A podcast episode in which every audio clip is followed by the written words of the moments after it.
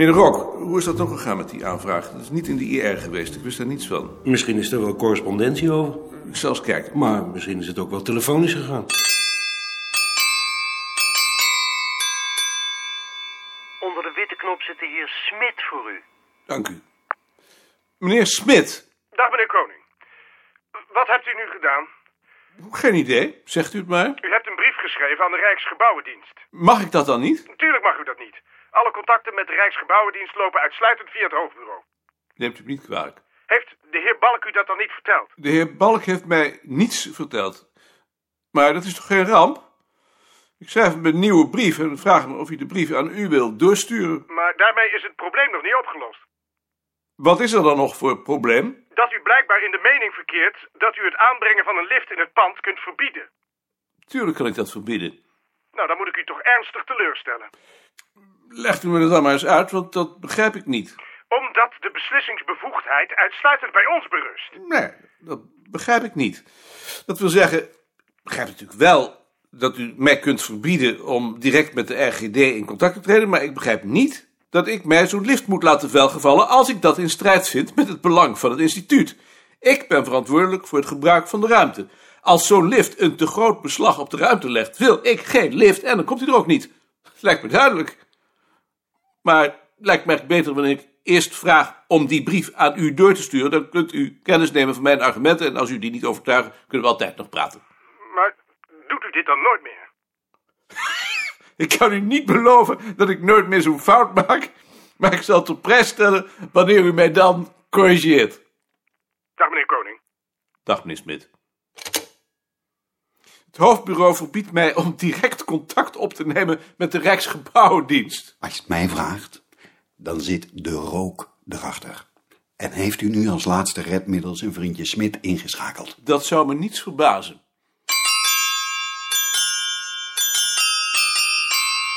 Huub,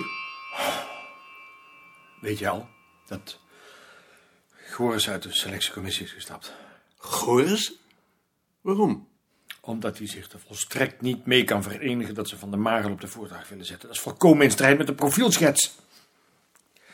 Het gaat er heus niet om dat ze mij niet kiezen, maar als ze deze man nemen, dan wordt dat het einde van het bureau. Ga eerst eens even zitten. Spijt me. Spijt me, maar daarvoor ben ik nu te, te zenuwachtig. Laten we dan aan de tafel gaan zitten. Neem, neem me niet kwalijk dat ik me zo laat gaan, want dit is...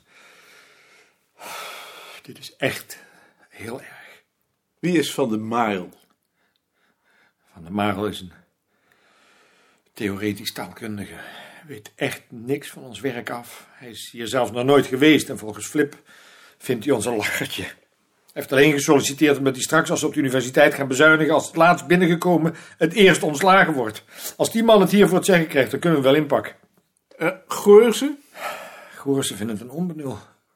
Maar Goslinga en Jeroen willen het doorzetten, omdat het een uh, promovendus is van de zwager van Goslinga. Ik begrijp Jeroen niet. Die had toch aan het belang van het instituut moeten denken, niet aan de zwager van Goslinga. Mm-hmm.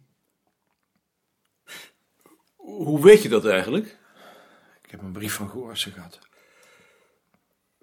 Ik zal eens met uh, Jeroen gaan praten. Met Jeroen valt niet te praten, want die luistert alleen nog maar naar Goslinga.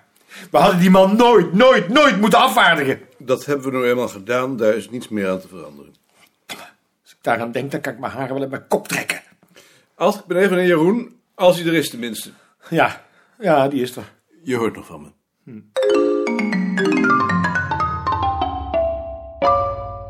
Dag Jeroen. Heb je even tijd?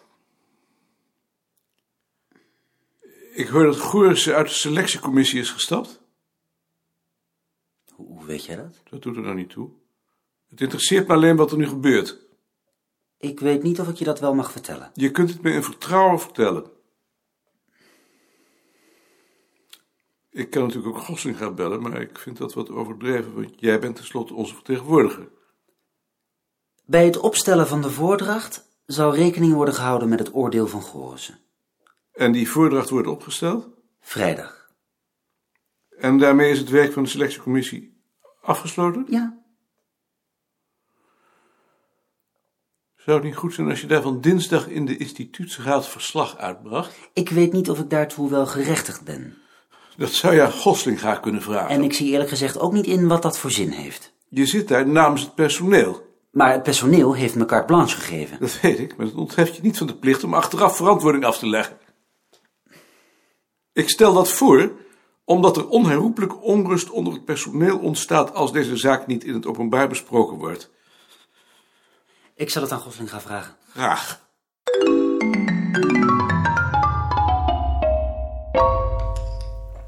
Huub, ik heb Jeroen gevraagd om in de IR verslag uit te brengen en ik vraag me af of het niet goed zou zijn als iedereen daarbij was.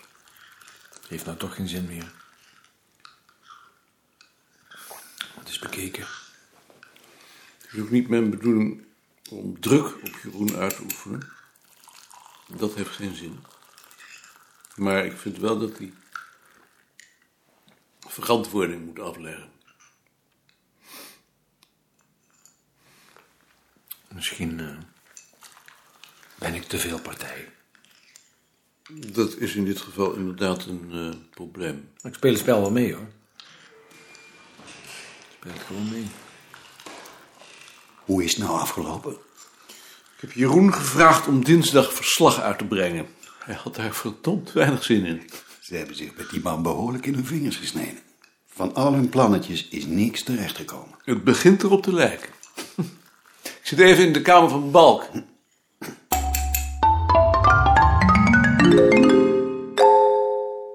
Oh, pardon. Ja, ja, sorry hoor. Maar we zitten hier te vergaderen. Ik zie het. Maar misschien mag ik even de post hier neerleggen. Dini, hoe gaat het nu? Wen je al wat?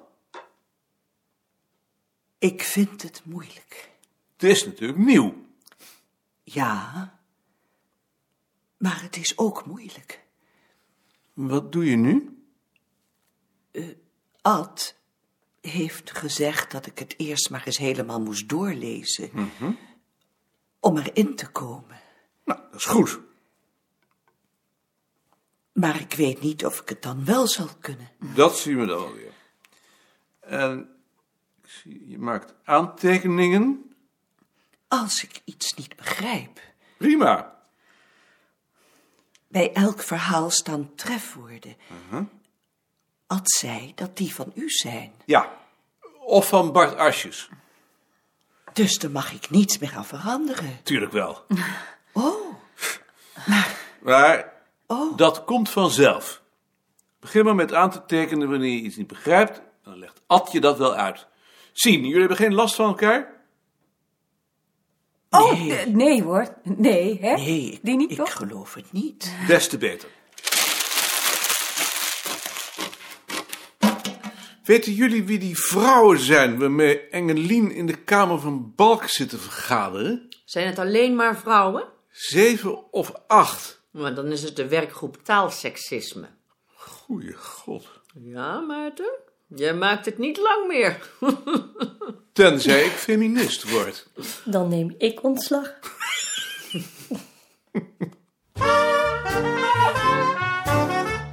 Ja. Zei dat je hier zat. Frits. Ik heb je lezing uit.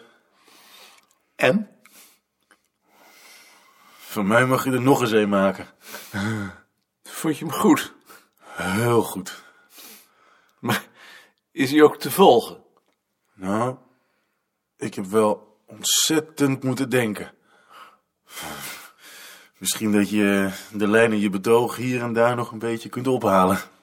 Heb je dat aangegeven? Ja, ja. Ik heb hier en daar wat streepjes gezet. Ik zal het bekijken. Maar volgens mij heb je bewezen dat boedelbeschrijvingen heel goed gebruikt kunnen worden voor mentaliteitsgeschiedenis. Mooi. Ik ben benieuwd hoe Gunterman daarop reageert. Wanneer is het nou precies? Over twee maanden. Heb jij een datumaanduiding op je horloge? Nee, dat is gewoon dat ik oud word. Ik begin de dingen door elkaar te halen.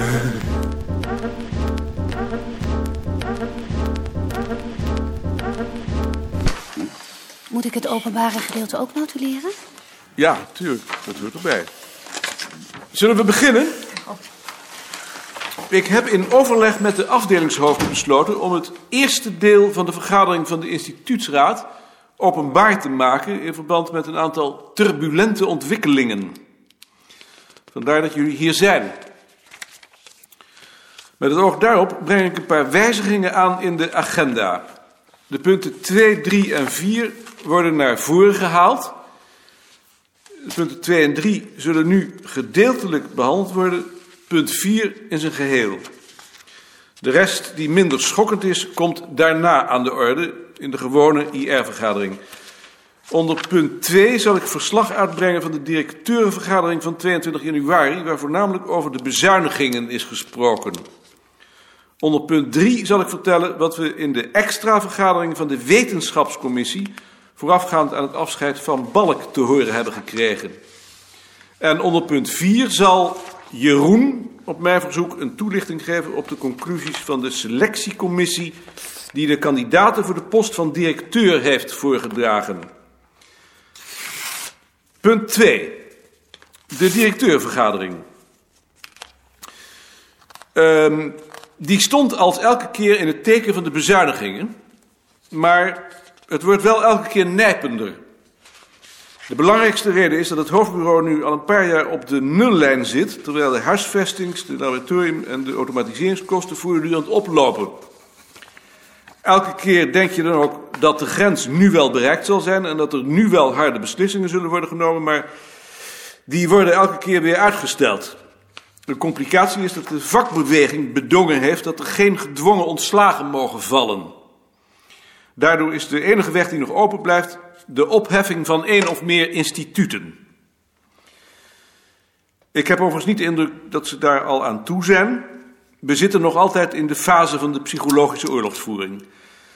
Aan de ene kant zet het hoofdbureau ons onder druk om zoveel mogelijk te bezuinigen. En aan de andere kant proberen ze het departement ervan te overtuigen dat ze rationeel en efficiënt werken, zodat ze niet nog meer kunnen bezuinigen. Ja, chef? En uh, als ze daar niet in slagen, hoe groot schat je dan de kans dat wij worden opgeheven? Niet zo groot. Ik denk dat ze eerder één of meer afdelingen zullen opheffen. Ik heb daar wel eens anders over gedacht, maar toen waren ze nog niet begonnen aan de reorganisatie van de wetenschap.